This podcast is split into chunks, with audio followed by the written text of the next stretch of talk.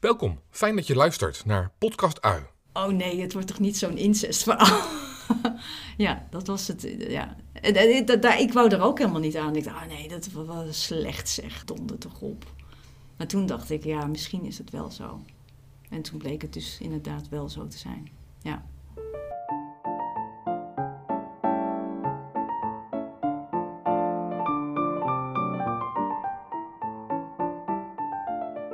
In Podcast Ui pellen we af.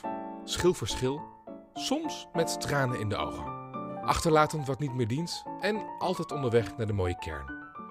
Wetend dat we met de snippers van die ui het hele leven op smaak kunnen brengen. We spreken met mensen die naar de hel gingen en ook weer terugkwamen met prachtige levenslessen. Omdat het grootste licht juist vaak in het donker te vinden is.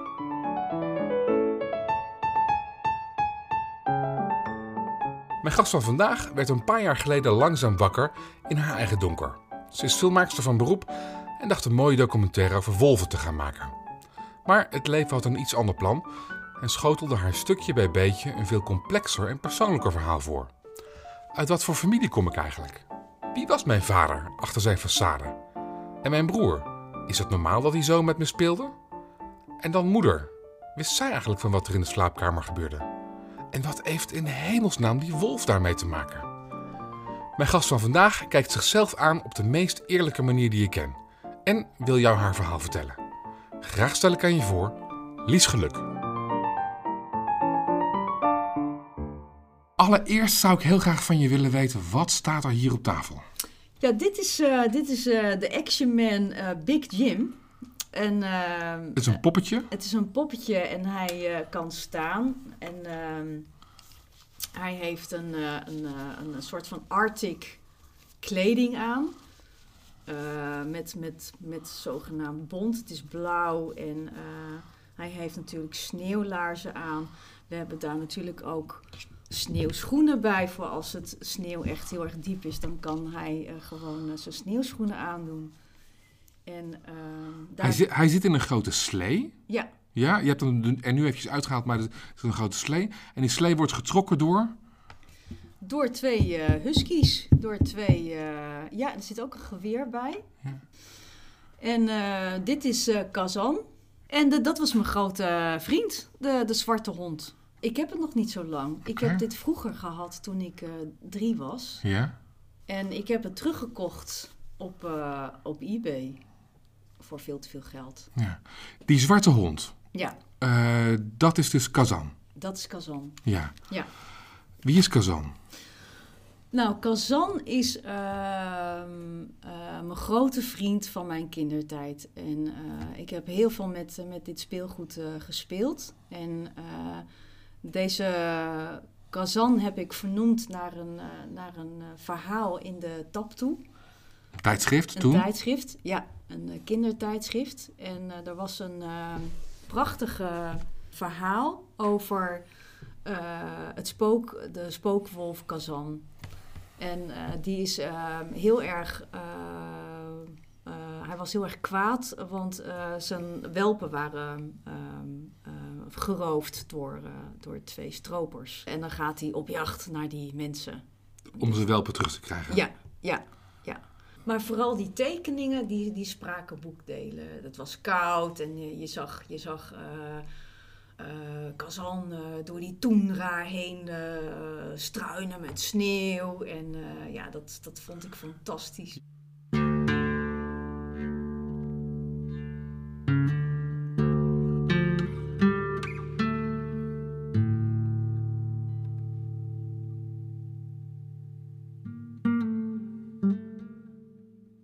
Kazan de spookwolf dus. Een wereld met lege, sneeuwachtige toendra's. En gek genoeg, ijskoude sneeuw die voor Lies juist gevuld is met warmte. En met dieren. Huskies in het bijzonder. Ik heb nu een husky zelf en eh, die lijkt ook heel erg op eh, Kazan. Die is ook zwart-wit. En als ik met die husky buiten loop, echt, eh, echt, echt, echt, meisjes worden echt helemaal gek. Alsof ze een soort van super idol zien. Oh, husky! Oh, ze heeft een blauw oog en een bruin oog. Ja, dat is echt heel grappig. Dus dat is, dat is, dat is een soort van archetype hond waarin kinderen vooral gelijk iets vinden van een sprookjesachtige wereld. Wat vond jij dan nog meer in, behalve wat je net al noemde? Uh, troost, denk ik. Ehm, en avontuur. Dus in die leegte, wat je inderdaad zo goed zegt, uh, vond ik ook heel veel avontuur juist. Als het hier niet is, dan kan het misschien daar wel zijn. Dus een soort van. Als het avontuur hier niet is, of als de warmte hier niet is, dan kan ik het buiten wel vinden. Nou, ik denk dat ik al heel vrij snel in de gaten had dat er echt dingen niet klopten in ons gezin. En dat ik daardoor mezelf ook terugtrok. En dan onder de tafel, onder de eikenhouten tafel, ging spelen met mijn, uh, met mijn kazan. Je hebt een documentaire gemaakt, een film gemaakt, waarin je op zoek gaat naar jouw fascinatie voor wolven. Daar komt, speelt Kazan een grote rol in. En uh, in die documentaire is er een heel groot verschil tussen boven de tafel en onder de tafel. Ja, in de achterkamer, daar stond de eikenhouten tafel. Wat is het verschil tussen boven de tafel en onder de eikenhouten tafel? Onder de tafel was een soort van gecreëerde wereld waarin ik helemaal controle had over mijn wereld. En boven de. Daar, daar speelde je?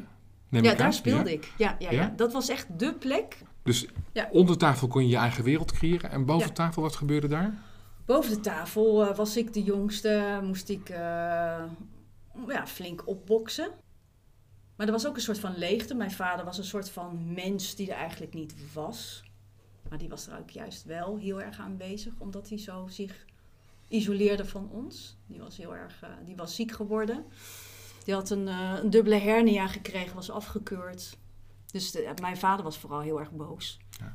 Je kon van onder de tafel ook heel goed zicht houden op wat op je vader boven de tafel. Ja. Was dat nodig?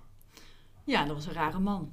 Ja, een hele boze, grillige man waar je eigenlijk helemaal niet op aankon. Dus hij kon, uh, hij kon heel aardig zijn. Echt heel uh, uh, creatief. Het was een hele creatieve man. Ik denk dat hij dramatherapie heeft ontdekt toen het nog niet bestond. Dus hij kon sociaal vaardig ook dan, denk ik? Heel sociaal vaardig. Maar ook ontzettend boos kunnen worden. En, en, en, maar ook heel erg teruggetrokken. En dan was het echt... Uh, ja, dan moest je echt ja, uitkijken. Dat, dat konden we echt als kind al echt goed aanvoelen. Van, als die in die boze snaar zat. In die boze, in die boze groef. Dan, dan moest je gewoon echt wegwezen. Was het onveilig? ja, weet je, dat is altijd zo moeilijk als je dan terugkijkt. Of als, als ik terugkijk, dan denk ik, ja, was, het dan, was het dan gevaarlijk? Ik heb uh, gevaarlijk. Uh, onveilig kan ook ja, zonder gevaar, hè? Ja, maar, ja. ja, nou, ik denk dan dat het onveilig was, maar niet gevaarlijk. Tenminste, later heb ik bedacht dat het natuurlijk super gevaarlijk moet zijn geweest.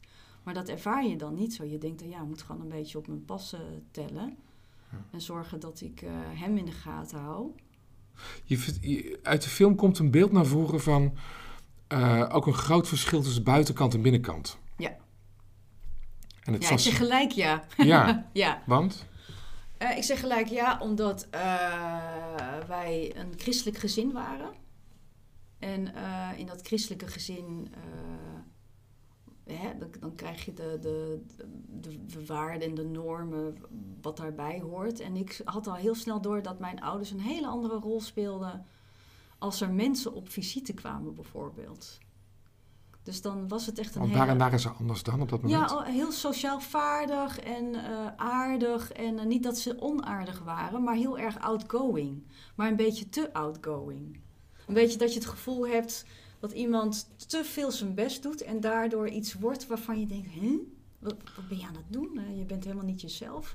En dat hadden wij als kind wel uh, heel goed door. Dus het was ook heel, heel gek uh, als wij. Uh, als de visite kwam, rende ik onder de tafel en mijn broers en zussen die renden keihard de bijkeuken in.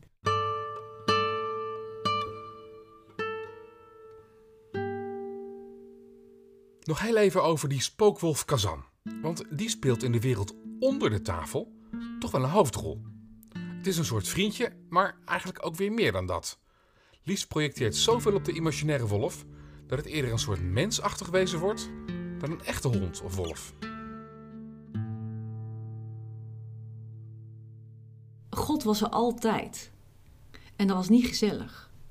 Dus er was altijd een soort van derde oog heel erg aanwezig in wat wij deden.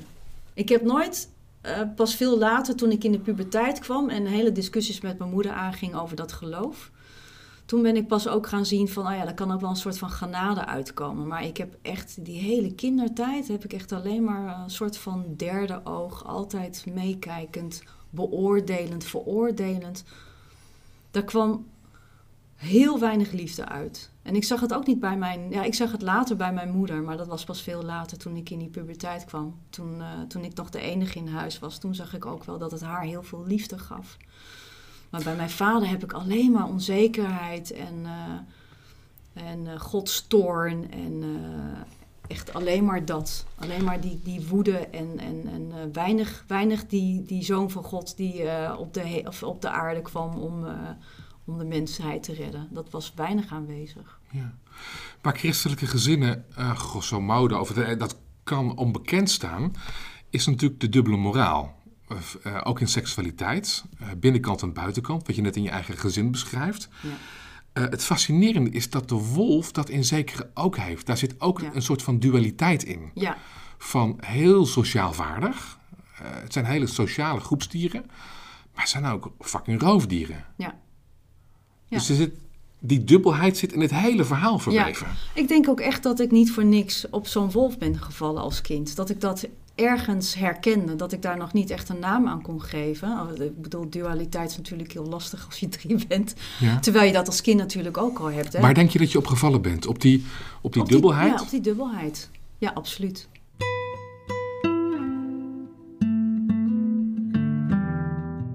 Langzaam wordt Lies volwassen en al vroeg in haar carrière weet ze dat ze ooit een film over wolven moet maken. Niet zal maken of gaat maken, maar moet maken. Ook al heeft ze nog geen idee wat haar qua inhoud te wachten staat. Pas als ze de 40 aantikt, begint ze aan het project. Nou, dat was echt heel pragmatisch. Ik had opeens geld. dus ik kon ook echt naar Canada, want daar, ik had wel in de, bedacht dat daar mijn verhaal moest gaan beginnen. Want wat was er in Canada? Uh, ja, uh, in Canada was Dick Dekker en uh, dat is een bioloog. Een Nederlander van oorsprong? Ja, ja een ecoloog. En die had zulke, ja, genees echt hele goede, ja, goede boeken in de zin van dat er heel veel informatie staat over wolven. Wat natuurlijk wel zo is, maar het is heel erg geschreven uit zijn oogpunt. En dat vond ik heel erg mooi, dat iemand zo zijn eigen verhaal had verteld. Hij heeft daar een hutje. Hij heeft daar een hut. Echt helemaal in de, in de wildernis. Ja, ja. Jij gaat daar naartoe ook in ja, de film. Ja. Ja, ik had eerst met hem gecorrespondeerd. Uh, zes jaar geleden is dat begonnen. Toen heb ik hem opgezocht en, uh, via LinkedIn. En toen dacht ik, ja, ik moet gewoon met hem in contact komen. En we hadden echt gelijk al een klik. Het was uh, een leuke, leuke communicatie die we hadden.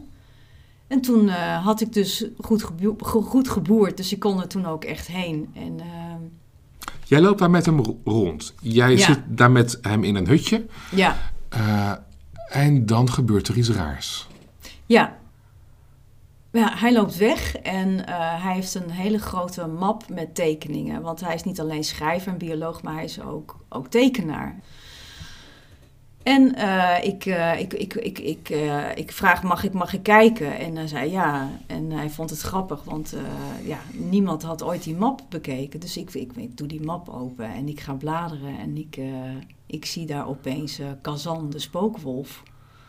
Hetzelfde verhaal wat je dus in je jeugd gelezen had. Ja, nou, dat, dat was echt heel raar. Dat Ja. je zo eh, ver weg bent en zo opeens bij een, bij een pitje terugkomt, wat, wat vroeger gezaaid is of zo, dat je dat opeens weer terugvindt.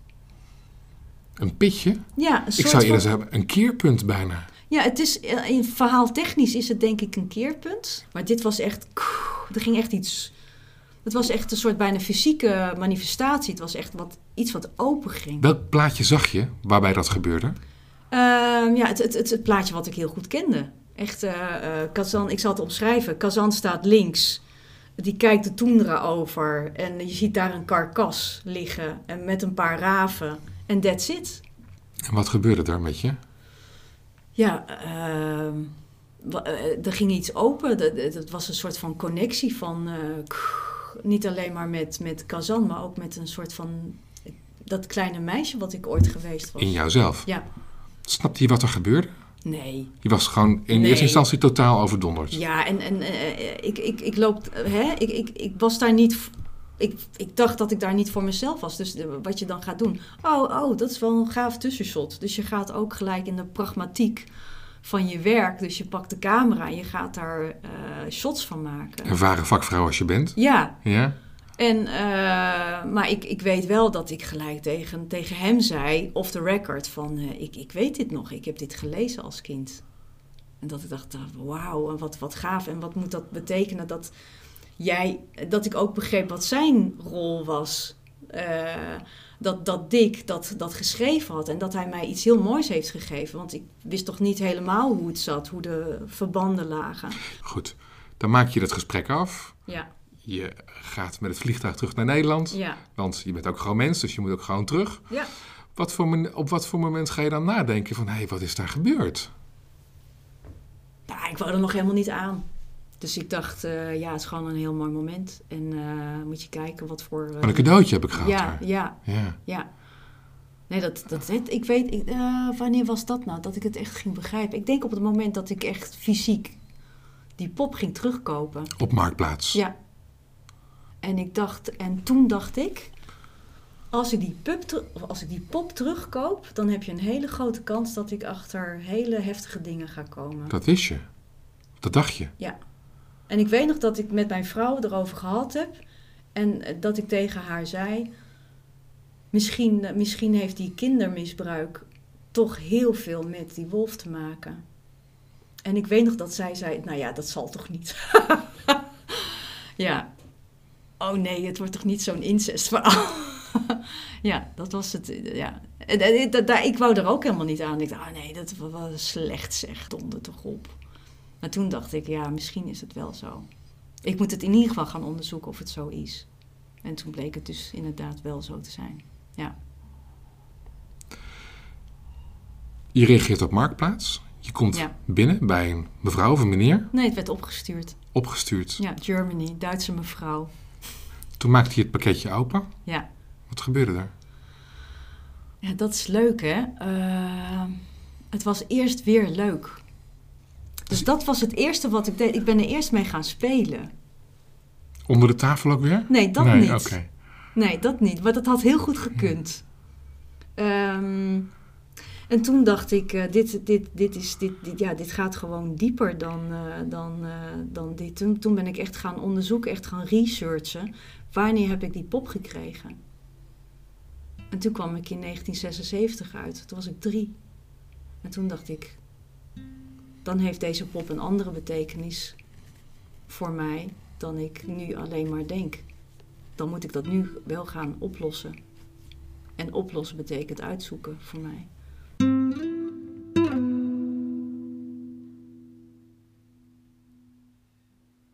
Je hebt het over misbruik. Over incest. Ja. Wat is er gebeurd? Ehm, als, als 47-jarige vrouw zeg ik dan nu, ja, dat is altijd zo lastig eh, te zeggen. In welke periode heeft het plaatsgevonden? Van mijn, van, mijn, van mijn eerste tot mijn derde jaar. Dus ook eigenlijk in het voorwoordelijke. Ja, precies. Dus dat is, dat is gewoon al heel erg lastig. Dus de beelden die daarbij zijn, zijn gewoon heel super vaag. Ik weet alleen dat eh, mijn broer, mij, mijn oudste broer, mij, mij vroeg om eh, bij hem te gaan spelen op zijn kamer. En dat we dan naar boven gingen en dat hij zich dan ging klaarmaken. Dan moest ik even weg. En dan kwam ik weer door zijn deur binnen en dan lag hij naakt of met een soort van lappen onderbroek lag hij op zijn bed. En dan had hij allemaal dingetjes verstopt in die lappen onderbroek. En dan moest ik die gaan vinden. Playmobil, snoepjes. En dat is wat je ook vond? Ja, maar ik vond ook eh, een, erectie. En, ehm, en daar stopt het meestal, het plaatje. Ik weet niet wat daarna is gebeurd. Maar ik weet dat ik, dat ik niet verder wou. En dat ik gemotiveerd werd om verder te gaan. En eh, ja, dat, ik, dat, het, ja, dat heeft een enorme impact gehad op mij. Ik vind het nog steeds, ik vind nog steeds heel moeilijk om te vertellen. Want ik, ik, ik, als ik het vertel, dan voel ik gelijk mijn broer. Als een soort van god, ga je dit nou echt weer vertellen? Is het één keer gebeurd of is het heel vaak gebeurd? Nee, het is vaker gebeurd. Ja. ja. Het was wel, als ik terugkijk, was het wel de omslag voor mij ook dat ik echt begreep dat, het, dat, dat er echt niet iets in de haak was in ons gezin. Dat snapte ik niet. Ik, dat, daar kan je gewoon niet bij, want het is de cultuur waar je in wordt opgevoed. Dus je, je weet ook niet beter. Maar ik weet wel dat ik echt voelde van, uh, ik ga iets doen wat ik niet wil. Maar ik wou mijn broer niet teleurstellen, want het was mijn grote broer. Het was echt mijn grote vriend. Dus ik ging verder. Alles, alles draaide rond. Het, het, het, was een totale uh, handelingen waar ik helemaal niks van begreep. En, uh, en mijn broer veranderde ook echt. In zijn gezicht en het ging, ging over iets heel anders en ik snapte gewoon niet wat er gebeurde. Je zou nog kunnen denken, als je heel mild bent... Goh, dat, die jongen is ook een puber. Uh, daar is gewoon iets misgegaan. Ja. Maar er is nog veel meer misgegaan. Want je broer was ook een slachtoffer. Ja. Ja, dat was ook de eerste keer dat ik begreep dat er echt iets aan de hand was. Dat mijn moeder schijnt een keer gezegd te hebben... Uh, wat ben je aan het doen? Uh, en toen antwoordde mijn broer, ja, dat doet papa ook met mij. Dus mijn moeder heeft ons echt een keer betrapt. En ik weet niet of het daarna gestopt is hoor. Dat, dat, daar kan ik er gewoon ook niet meer bij. Alleen later, toen ik, uh, dan maak ik een sprong in de tijd, toen was ik 16. Toen heb ik echt met mijn zussen erover gehad. Die vertelde toen van, uh, weten jullie dat, uh, dat, dat Heinz misbruikt is door papa vrij lang, echt lang. Echt van zijn, van zijn, van zijn derde tot zijn twaalfde. Toch is er ook een moment waarop jouw moeder ja. met, met jou aan het praten is. Dat, ja. dat vertel je in de film. Ja. En jouw moeder vraagt aan jou, heb je er iets aan overgehouden? Ja. Wat mij doet denken, op zijn minst wist je moeder het. En ook je moeder heeft niet ingegrepen. Nee, mijn moeder wist het. Absoluut. En, uh, Zonder verwijten, hè? maar ook zij heeft ja. dus niet ingegrepen. Nee, nee, nee dat, dat, nou, dat zijn heel wat discussies. Toen ik 16 was en daarachter kwam, hoe het zat... toen heb ik daar ook heel veel discussies met mijn moeder over gehad. Van, ja, ik woonde toen, ik was nog alleen thuis. De rest was uitgevlogen. En ik moest terug naar dat uh, huis en dat ik dacht, godverdomme zeg hé. Wat een kutzooi. Wat een kut christelijke moraal. En nu moet ik gewoon terug. Terwijl ik weet wat, wat mijn vader gedaan heeft. En nu begrijp ik ook, want ik kreeg wel, toen mijn zussen dat vertelde, kreeg ik gelijk die beelden van, maar er is ook iets met mij gebeurd. Moest ik terug naar dat huis en mijn vader gewoon uh, gedag zeggen en mijn moeder gedag zeggen en naar mijn eigen kamer. En dat ik dacht van, wat een fuck, sorry, hoe, ga ik, hoe moet ik hier, ik moet nog twee jaar hier wonen, hoe ga ik nou... Hoe heb, je, hoe heb je dat gedaan, die twee jaar? Nou, ik ben vrij snel ben ik naar mijn moeder gegaan en heb gezegd van, ja, ik weet het. Vertel maar, hoezo ben je bij hem gebleven? Ik vond het echt ongelooflijk.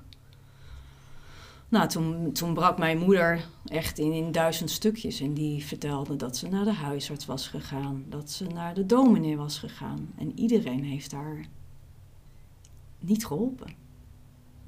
De huisarts schijnt gezegd te hebben... Ja, dat komt wel vaker voor. En de dominee is met haar gaan bidden.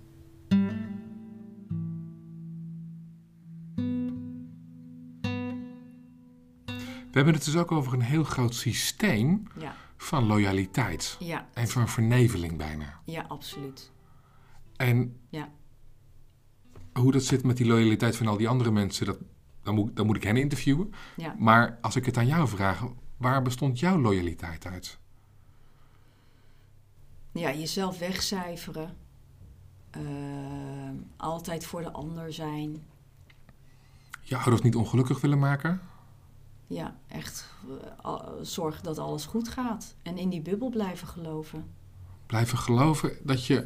Dat het gezin wel klopt. Omdat je dat zo graag wil. Want andere mensen worden ook geboren Ja, omdat, in... het, omdat het... Weet je, het was allemaal niet gruwelijk, hè. Wat mijn broer deed was niet het gruwelijk. Het was natuurlijk ontzettend over grenzen.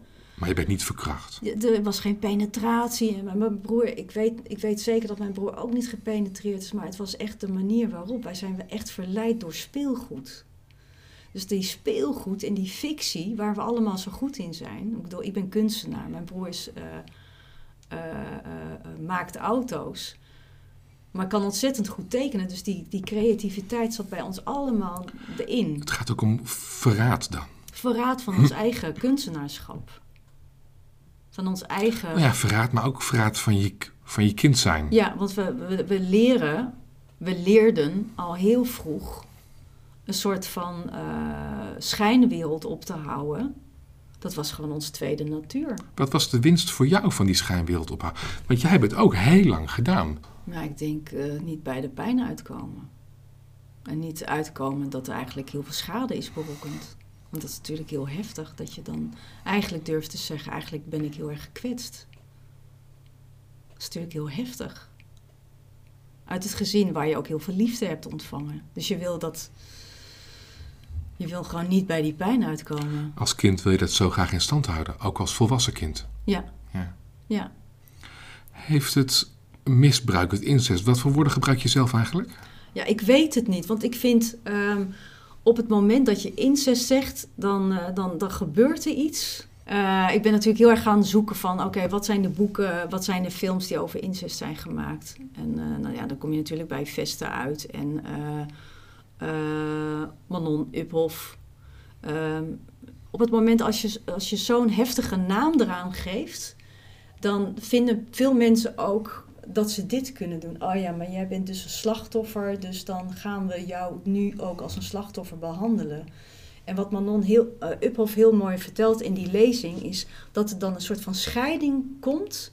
Je hebt dan de maatschappij, je hebt de dader en je hebt de slachtoffer. En de maatschappij zegt, oh, maar dat is incest. Gaan jullie maar het even oplossen, want wij hebben er even geen zin in. Zelfs, in de, eh, we hebben het over loyaliteit, naar eh, het er niet over hebben. Ja. Doen alsof het allemaal oké is. Ja. Dus dat zit zelfs in de maatschappij. Ja.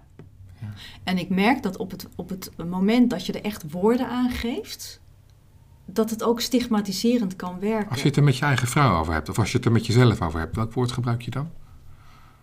Nou, ik denk dan misbruik. Ik denk dat, dat ik dan. Ja. Goed. Op wat voor manier heeft het misbruik jou gevormd in wie je bent als mens? Nou, ik denk dat ik heel voorzichtig ben. Ehm, dat ik de neiging heb, eh, of de vaardigheid zou ik bijna zeggen, dat ik heel goed snel mensen kan peilen. Dat ik al heel snel heel veel weet van andere mensen, dat ze eigenlijk nog niks over mij weten. En dat is, dat, dat is heel wolfachtig ook. Omdat je dingen voelt of omdat je Ik sociaal vaardig bent? Ja, omdat ik ook heel eh, goed kan observeren. Dat ik snel mensen kan neerzetten van, oh, je bent zo en zo. En dat betekent, dan kan ik iets afsluiten. hè. Dus toen ik het over jouw hekje had, dat is een soort van veiligheid voor mij, dat ik jou al... Jij kwam binnen en je zag dat mijn hekje kapot was. Ja, en dat je hem tot twee keer toe gemaakt had en, die, en dat het net allemaal niet goed was. Dat geeft mij heel veel veiligheid om dan te weten, oké, je bent zo en zo. En dan kan ik beslissen, ga ik iets openzetten of niet. Het is natuurlijk fascinerend, want het, het tuinhekje is inderdaad kapot. Het is al zes jaar kapot. En al zes jaar probeer ik het te maken, maar het lukt niet. Eh, maar jij bent de eerste die het opvalt. Dus dat zegt echt iets over jouw observatievermogen Ja. en wat je registreert. Is dat ook met de bedoeling om het veilig te laten zijn voor jezelf? Ja, want als ik, de, als ik mijn omgeving begrijp en kan lezen, geeft dat mij heel veel informatie. En met die informatie kan ik doen wat ik wil. Maar dat geeft mij veiligheid. Ja. Het is niet een soort. Ik denk niet dat het een dominantie is, maar het is wel het beheersen van mijn omgeving. En dat is bijna een soort van roofdierachtig instinct ook. Om constant alles te zien. Ik zie het ook bij mijn wolfhonden, die zien ook echt alles. Als er, als er een lamp kapot is buiten, een, een lantaarnpaal, dat, dat zien ze. Dan gaan ze naar kijken, hé, hey, klopt iets niet. De omgeving is veranderd. Ja, zo loop ik eigenlijk ook altijd.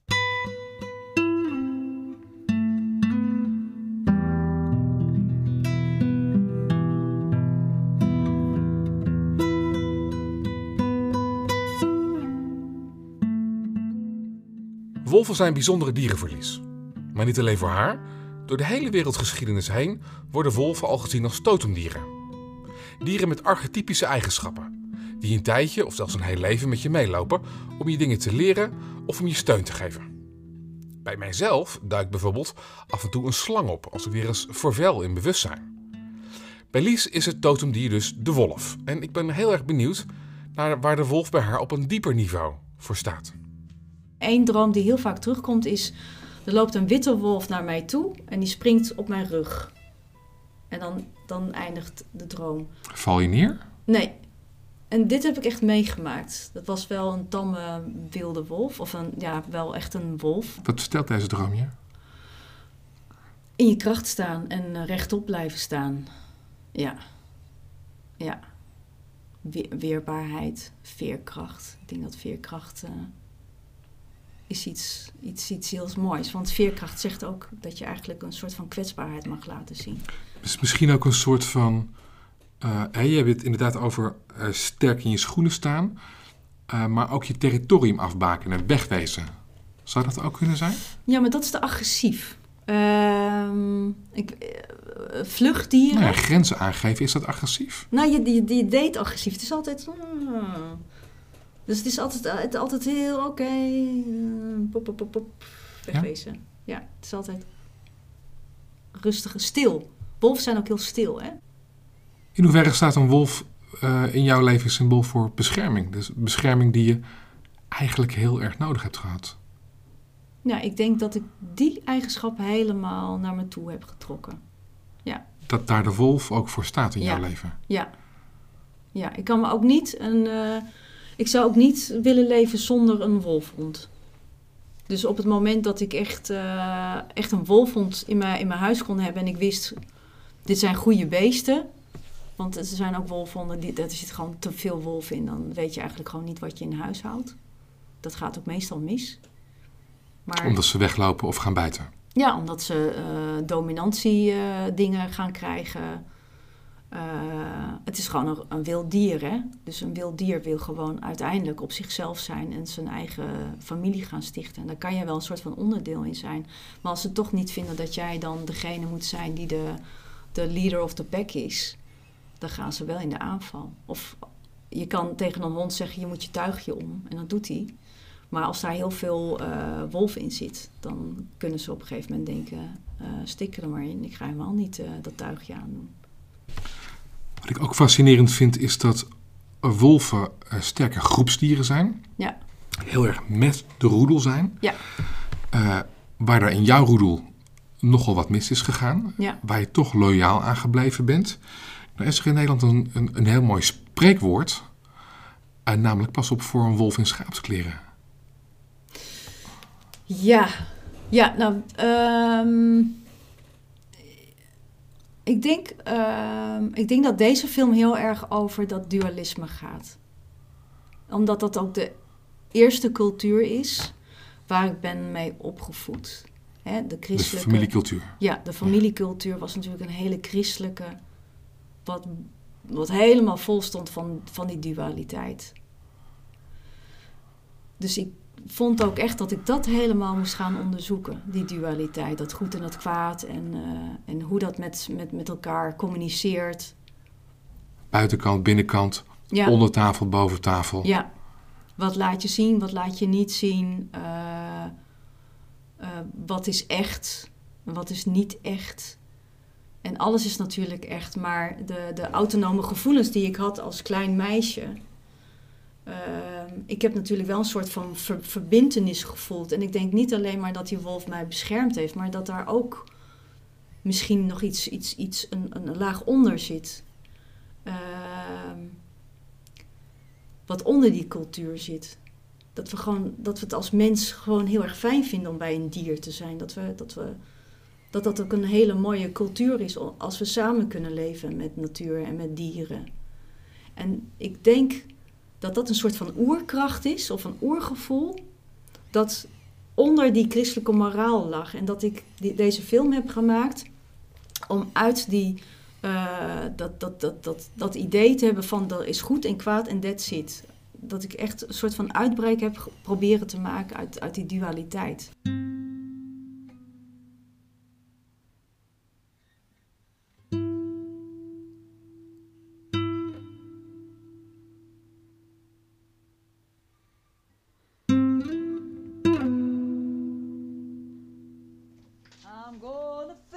you. I'm gonna fix you. I'm gonna fix you. Yes, I am. Oh. I'm gonna fix you. I'm gonna fix you. Yes, I am. I'm gonna fix you. Yes, I am. Yes, I am. I'm gonna fix you. Lies, wat horen we hier? Ja, je hoort mij eh, voor het eerst in mijn eh, nieuwe wereld. Het is ook echt de eerste opname die ik daar maak. Ik ben dan, dan denk ik, Je bent in Zweden. ja, ik ben vijf, zes dagen daar geland. Klein hutje, het sneeuwt.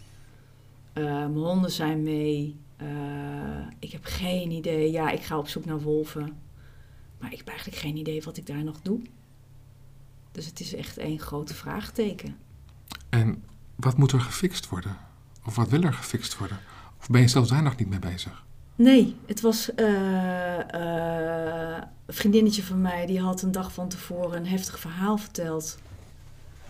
En eh, daar zat ik nog mee in mijn hoofd en toen begon ik gewoon Fix You te zingen. En naderhand bleek het natuurlijk eigenlijk voor mezelf te zijn. En dat, was, dat is zo mooi, hè? Als je iets niet weet. Wij willen gewoon in, in deze maatschappij heel graag alles weten. Dus we hebben altijd een doel. Probleem, oplossing. Ja, Ja, maar het is zo gaaf als je het eigenlijk niet weet. Eigenlijk is dat, dat de dapperste mensen, en daar, dat vind ik echt gaaf van mezelf dat ik dat gedaan heb. Daar ben ik ook echt heel trots op. Als je het niet weet, dat is zo dapper. Om dan maar gewoon met je, met je hebben en houden, met je stomme kut Picasso, naar die sneeuw te rijden. 16, 2000 kilometer. In wat een- is er gaaf om, te om niet te weten wat er gebeurd is? Omdat je dan ontvankelijk bent voor wat er echt gebeurt op dat moment. Omdat je dan echt anders gaat kijken. Als je een doel hebt, dan ben je constant al dit aan het doen. Hè? Je bent constant aan het kokeren.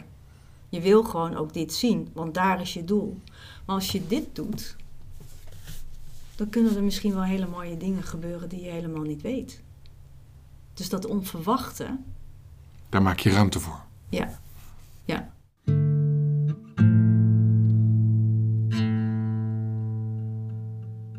Ter voorbereiding op dit gesprek sprak ik met een goede vriendin van jou en een collega-maker. en zij zei: Lies is niet alleen een waanzinnig goede cameravrouw, maar ook echt een kunstenaar. Dat zie je in een aantal visuele intermezzo's die ze gebruikt, maar ook in hoe diep persoonlijk ze het onderwerp aangaat en onderzoekt. Herken je dat? Ah, wat lief. Ehm, ja. Ja. Ja. Ja. Is dat een goede observatie van Ja, haar? ja, ja, ja, zo ben ik. Ja. Is goede kunst een verkenning van je eigen kwetsbaarheid? Ja. Ja, ik vind dat er veel spierballentaal op het moment eh, is. Ook in de kunstwereld. En daar heb ik echt helemaal niks mee. Is het moeilijk om je kwetsbaar op te stellen? Ja. Ja. Ja, want het wordt niet verlangd. Wordt het gewaardeerd Ja, uiteindelijk wel. door iedereen? Nee. Mensen vinden het ook moeilijk, hè? Want het- dat werkt ook als een spiegel. Als jij zo kwetsbaar met iets heel futiels. eh, nou, de, de, hè, de, de, de, de, de, de, de Facebook shit. Word je afgewezen? Op dat Je soort... kan heel goed afgewezen. Zeker op kinderlijkheid. Als jij met, met een soort van kinderlijke droom iets gaat doen. Dan word je op dit moment in deze maatschappij word je echt neer, je kan neergezabeld worden. Want nut. Heeft het nut? Ga, iets, ga, ga een documentaire maken over iets wat nut heeft. Terwijl juist in die kinderlijkheid, in die kinderlijke speelsheid, daar zit juist heel veel nut. Is jouw documentaire die je gemaakt hebt daarmee eigenlijk ook een impliciet een soort van oproep aan andere mensen? Onderzoek je eigen kwetsbaarheid? Ja, absoluut. Ja. Ja. Want in kwetsbaarheid hè, zit niet alleen maar kwetsbaarheid, maar daar zit ook juist heel veel veerkracht. Want als jij iets kwetsbaars durft te laten zien, dan denk ik dat je daardoor ook zoveel veerkracht laat zien, omdat je het laat zien, omdat je dat durft. Renate Dorrestein, be bekend schrijfster Nederland, zij zei: Zonder het verhaal van onze hoogtepunten en dieptepunten en onze reflectie daarop, zijn we maar half mens. Compleet zijn we pas als andere mensen dat verhaal ook weten. Jij doet dat. Ja. Dat delen. Uh, maar daarin ben je wel betrekkelijk uniek. Waarom vinden we dat zo moeilijk? Ja, weet jij het? maar ik stel je de vragen. Waarom vinden we dat moeilijk? Nou, ik denk echt dat het met de maatschappij te maken heeft. Eh, dat het niet verlangd wordt. Ik, uh, staat het ooit wel eens op een sollicitatieformulier? Ik hoop het. Kwetsbaarheid? Ik denk het niet. Omdat het heel vaak gezien wordt als zacht eitje. Uh... Terwijl in kwetsbaarheid, daar zit ook het vermogen tot leren, ja. tot groeien, tot reflectie, tot zingeving. Ja, toch? Ja, absoluut. Ja. En eigenlijk tot alles wat het leven de moeite waard maakt. Ja. Ik weet nog wel, er stond, ik, een paar jaar geleden, stond er een stukje in de krant. Volgens mij was de Volkskrant over een, uh, was een prachtig uh, tweegesprek. Een paar jaar geleden stond dat erin. En er was ook een documentaire gemaakt over, en daar had zij het over, over, over een vader van iemand. En alles, ik moet nu lachen, alles ging de hele tijd met die man mis. Nou, een beetje jouw hekje. Wat is er met mijn hekje? Allemaal schroeven. En twee heksluitertjes. Oh nee, deze doet het niet. Ik, weet je wat ik doe? Het is een beetje buurman en buurman. Dan doe ik daar eentje en dan doe ik weer een half schroefje. Maar dan doet hij het wel. Hij functioneert, maar het is niet echt heel mooi gedaan. Dat zijn, dat zijn zulke mooie dingen. Als je dat durft te laten zien, denk ik dat deze maatschappij, deze wereld echt een stukje leuker zou worden. Omdat er ook een soort van, hm, ik weet het niet, ik doe het zo, hm, ik weet niet of het goed is, maar ik doe het zo.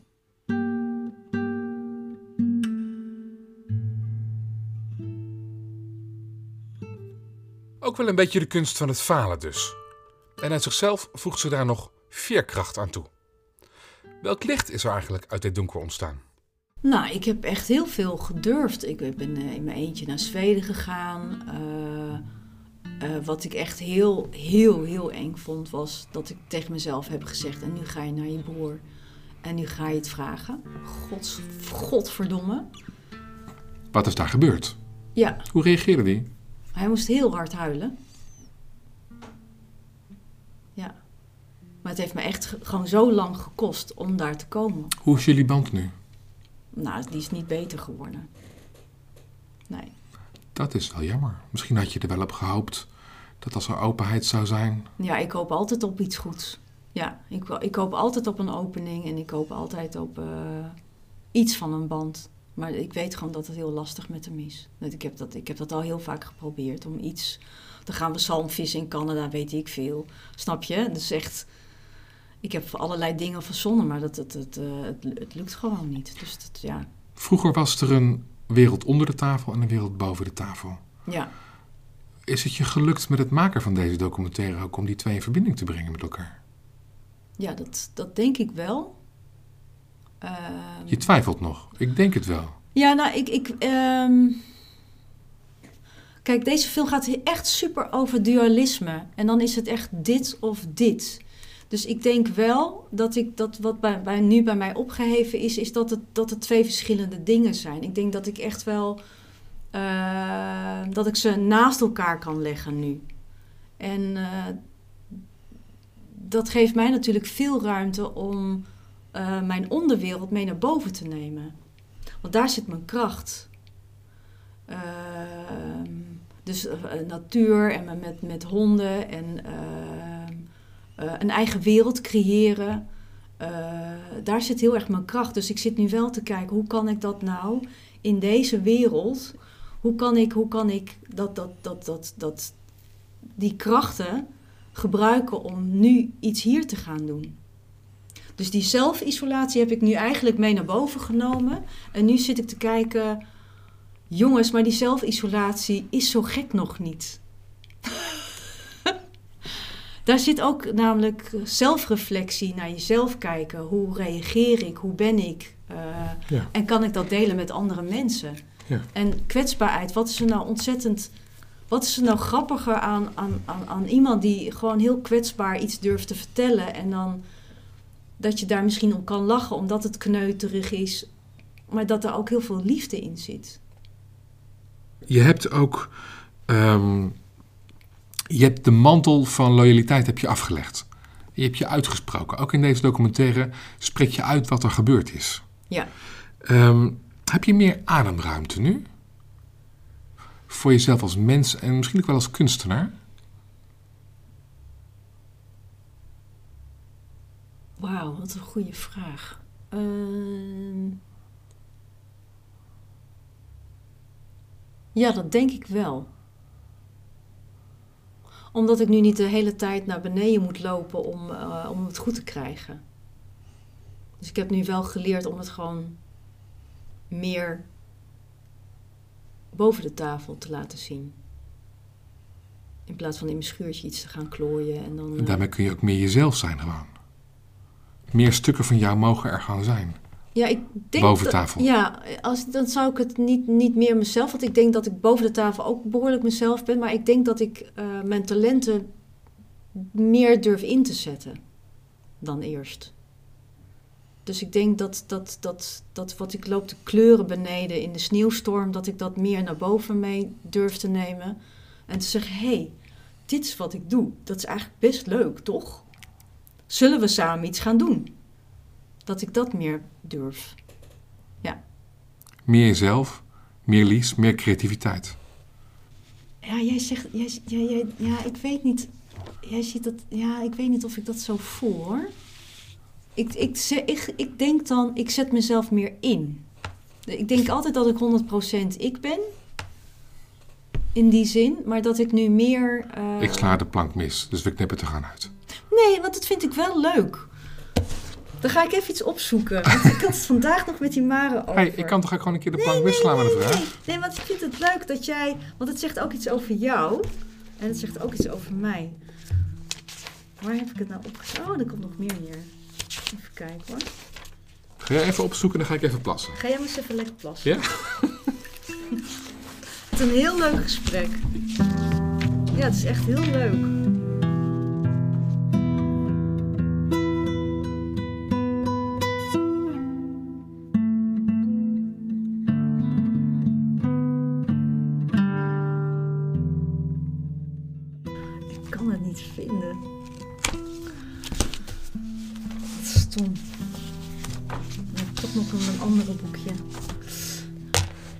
Maar de kern, uh, wat, ik, wat ik daarover wou zeggen, is um, dat we cultuur hebben. En onder die cultuur zit iets heel autonooms. Waar, waar we als mensen nog meer naar mogen gaan kijken. Wat er dan gebeurt. En dat is misschien, uh, sommige mensen zouden dat instinct noemen. En ik heb geleerd om terug te komen bij mijn instinct. Door al mijn uh, afweersystemen heen, heb ik ook geleerd om te geloven in die instinct. En die zit onder, onder die cultuur, onder die cultuur van dualisme. En dat vind ik een hele interessante laag, omdat daar dat spelen in terugkomt en uh, waarschijnlijk ook heel erg de mens als autonoom wezen. En dan denk ik ook dat we gaan, gaan zien, of tenminste wat ik heb gezien, is dat we veel meer op dieren lijken dan we dan we, dan we denken. Dat we, dat we veel meer kunnen spiegelen. Het is niet voor niets dat bijvoorbeeld paardencoachen opeens helemaal booming business is. Dus, die, dus mensen, mensen hebben wel zo'n uh, directeuren, die, die echt, echt managers, noem maar op. Er wordt echt grof geld betaald aan uh, mensen die goed paarden. Dat is niet ook zomaar, je moet dat echt ook goed kunnen natuurlijk. Maar het is interessant dat mensen langzaam hun weg terugvinden naar die dieren.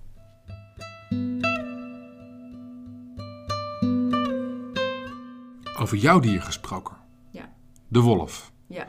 Aan het eind van de documentaire zeg je: De wolf die komt niet meer. De wolf die ik zoek is ergens anders. Ja. Zou je je voor kunnen stellen dat de wolf ook een keer afscheid van jou neemt? Dat de wolf in een droom bij je komt en zegt: Nou, wij hebben onze taak nu vervuld en nu zijn we niet meer nodig voor je? Ja, dat, de- dat ligt dan denk ik heel erg aan mij of ik hem ga loslaten. Zou het kunnen dat de functie een keer is vervuld?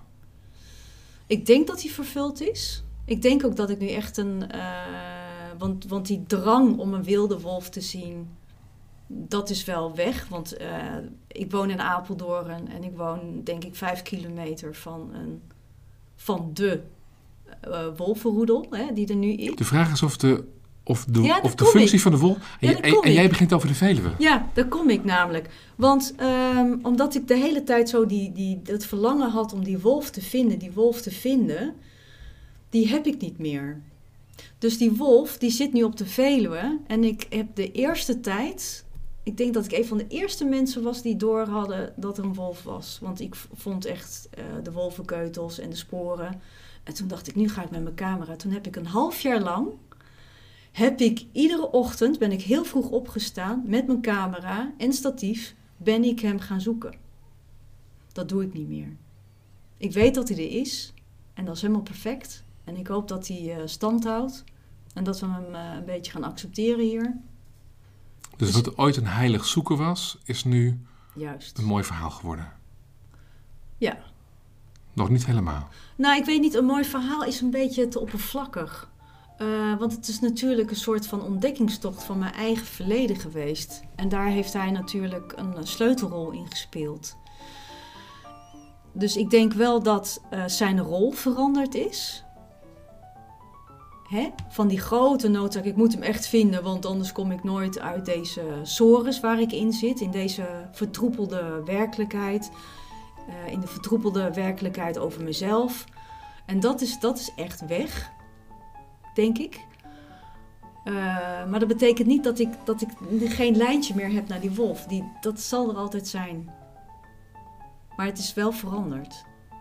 Dus die rol of die functie die ik ha- hem had toebedeeld, die is veranderd. Dankjewel, Lies. Alsjeblieft, Basti. Dankjewel.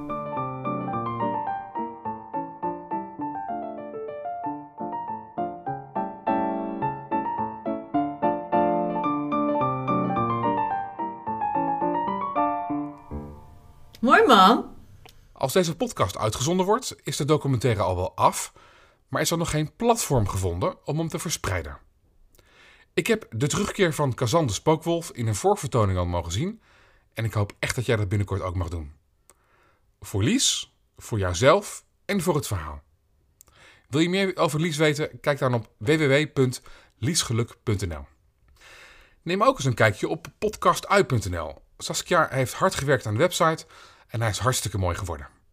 Je kunt er afleveringen luisteren en je komt er meer te weten over ons en over ui. Wil je ons helpen? Stuur de aflevering dan door naar andere mensen die hem interessant zouden kunnen vinden. Of geef ons een recensie in de app. Dan gaan we stijgen in de rankings. En dat maakt ons beter vindbaar voor nieuwe mensen. Dankjewel alvast. De prachtige muziek is van het album Seed EP van Axel Tree van de website Free Music Archive. De soundtrack is van Sergei Rachmaninov en daar zijn we zo blij mee, die blijft nog wel even. Namens Saskia en mij, bedankt voor het luisteren en heel graag tot een volgende aflevering.